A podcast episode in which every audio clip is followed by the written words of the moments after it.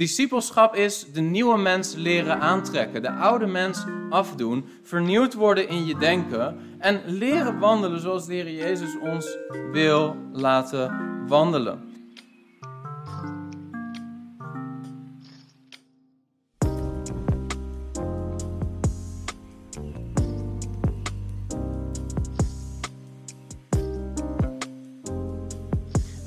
Waar wij nu zijn aangekomen, vanaf vers 25, daar begint Paulus dat idee concreet te maken. In de verse daarvoor zegt hij: leg de oude mens af, word vernieuwd in je denken en trek de nieuwe mens aan die in ware heiligheid en gerechtigheid geschapen is. En dan kom je bij de praktijk.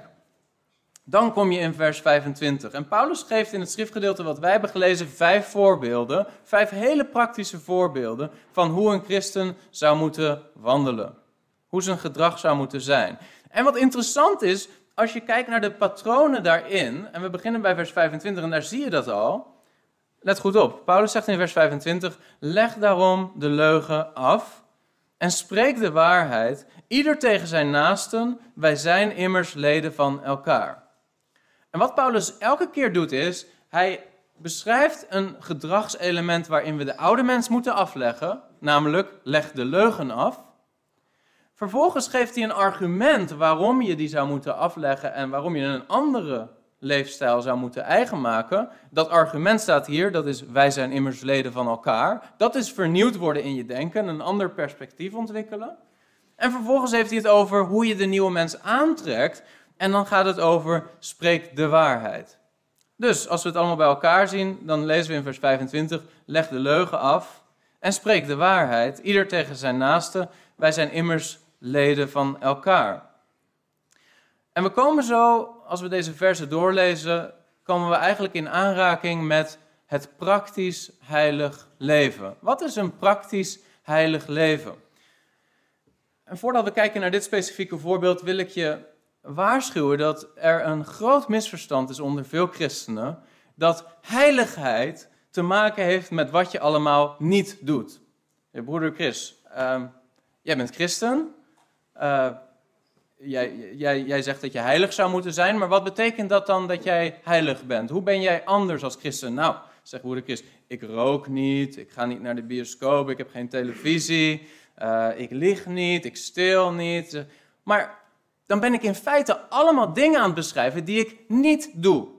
Maar kijk, die microfoonstandaard hier, die heeft ook nog nooit gelogen.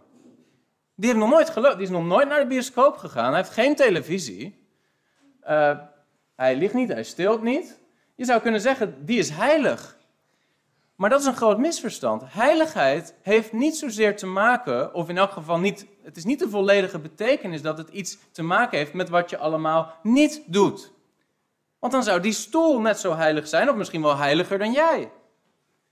Heiligheid heeft zeker ook te maken met wat je wel doet. Dat is een misverstand wat we vaak vinden.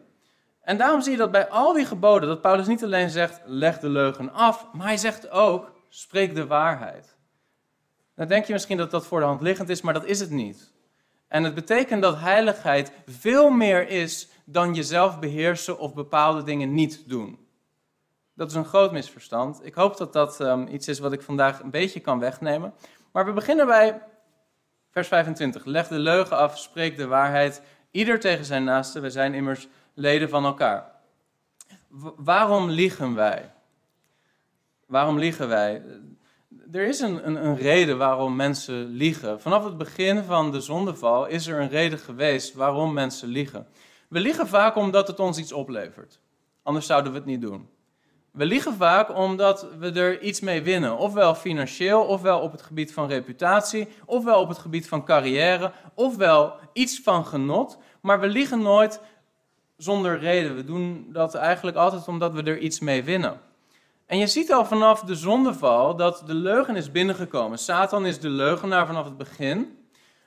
Maar je ziet dat op het moment dat Adam en Eva vallen in zonde, dat er een soort splitsing ontstaat in hun leven.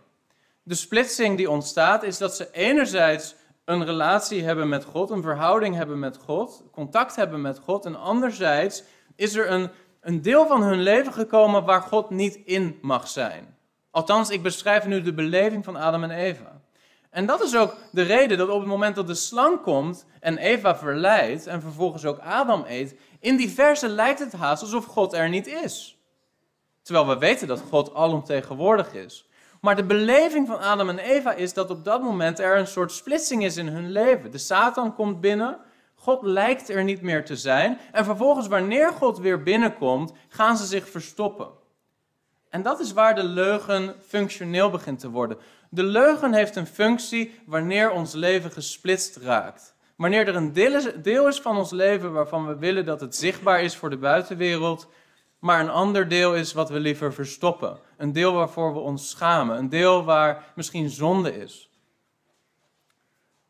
Je zou dit ook wel kunnen zien als huichelarij of hypocrisie. Het is een van de belangrijkste dingen waar de Heer Jezus de Fariseeën op aansprak. Dat idee dat hun leven gesplitst was. Dat hun buitenkant, de schijn die ze wekten naar buiten, niet overeenkwam met de binnenkant.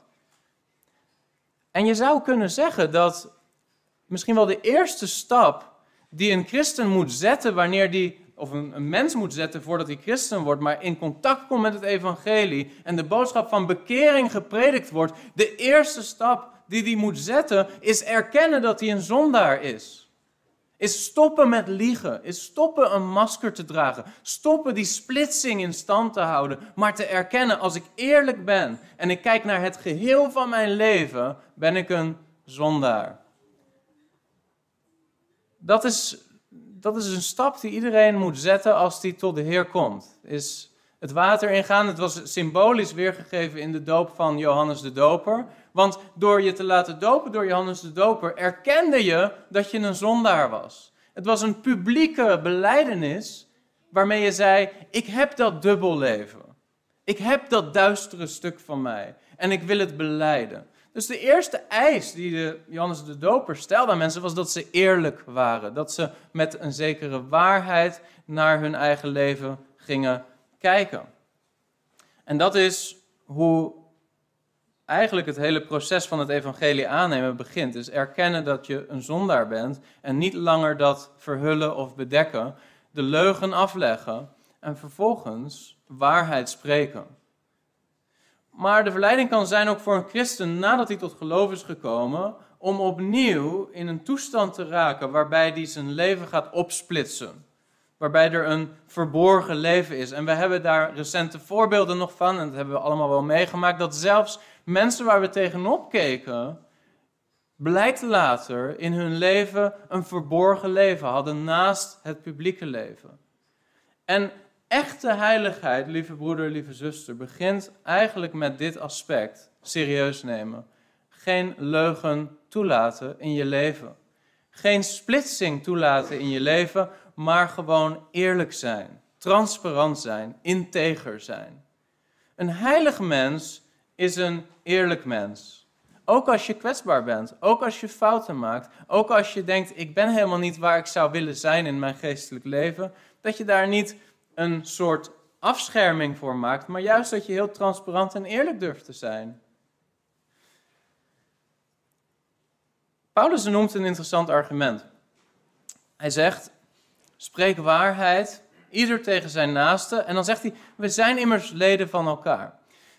Wat er vaak gebeurt wanneer mensen gaan liegen, is dat ze zich meer en meer terugtrekken in zichzelf dat zie je al bij Adam en Eva. Het, het liegen heeft een functie gekregen, namelijk het isoleert je. Het isoleert je. Het maakt uiteindelijk liegen dat je de verbinding ook verliest met de personen om je heen. Je probeert iets te verbergen, maar omdat je dat doet, verlies je de verbinding met de persoon die naast je staat. Of het nu in je huwelijk is, of het nu in de gemeente is, of het nu op je werk is.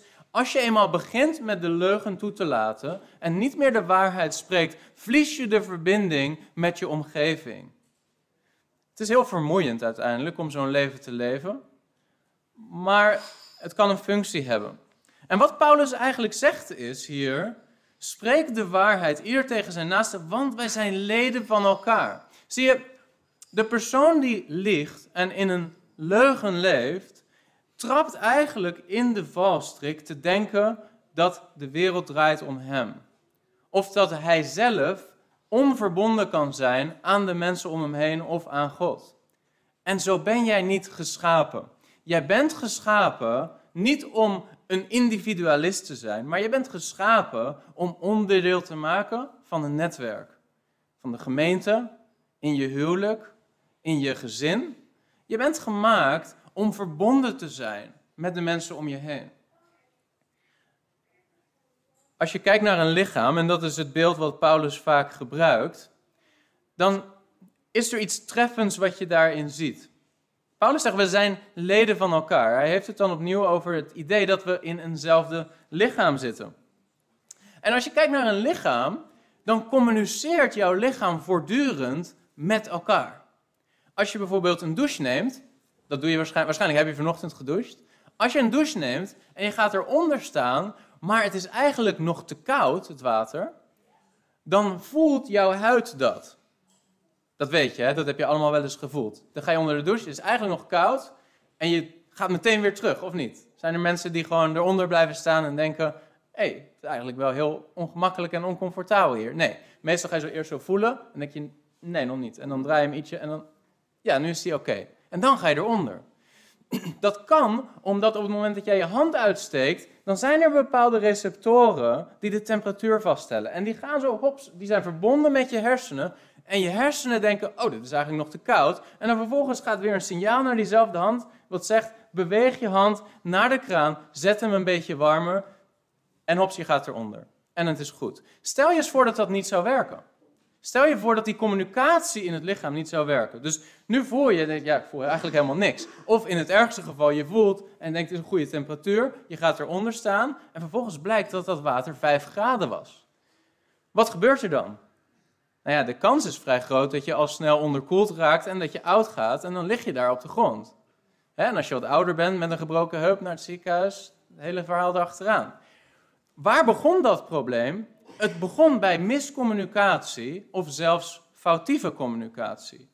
Communicatie is enorm belangrijk in de gemeente, in het lichaam van Christus. En niet alleen maar het aspect van het niet liegen, maar ook het aspect van het open zijn en transparant zijn van hoe je er echt voor staat in je geestelijk leven. Wat speelt er echt in je leven? Mogen de maskers af? In de gemeente van de Heer Jezus Christus is het verlangen van God dat mensen eerlijk zijn, dat mensen transparant zijn, ook als dingen niet zo goed gaan. Ook als je het moeilijk hebt, ook als je worstelt, communiceer daarover, zodat het lichaam van Christus in staat is om daarop te reageren en jou te helpen. Zie, het is precies hetzelfde beeld als met de douche en de temperatuur. Het gebod van Paulus hier is niet alleen maar om niet te liegen, maar om te praten en te spreken in waarheid en eerlijk te zijn en te communiceren. Je zou het gebod ook kunnen vertalen als communiceer met elkaar.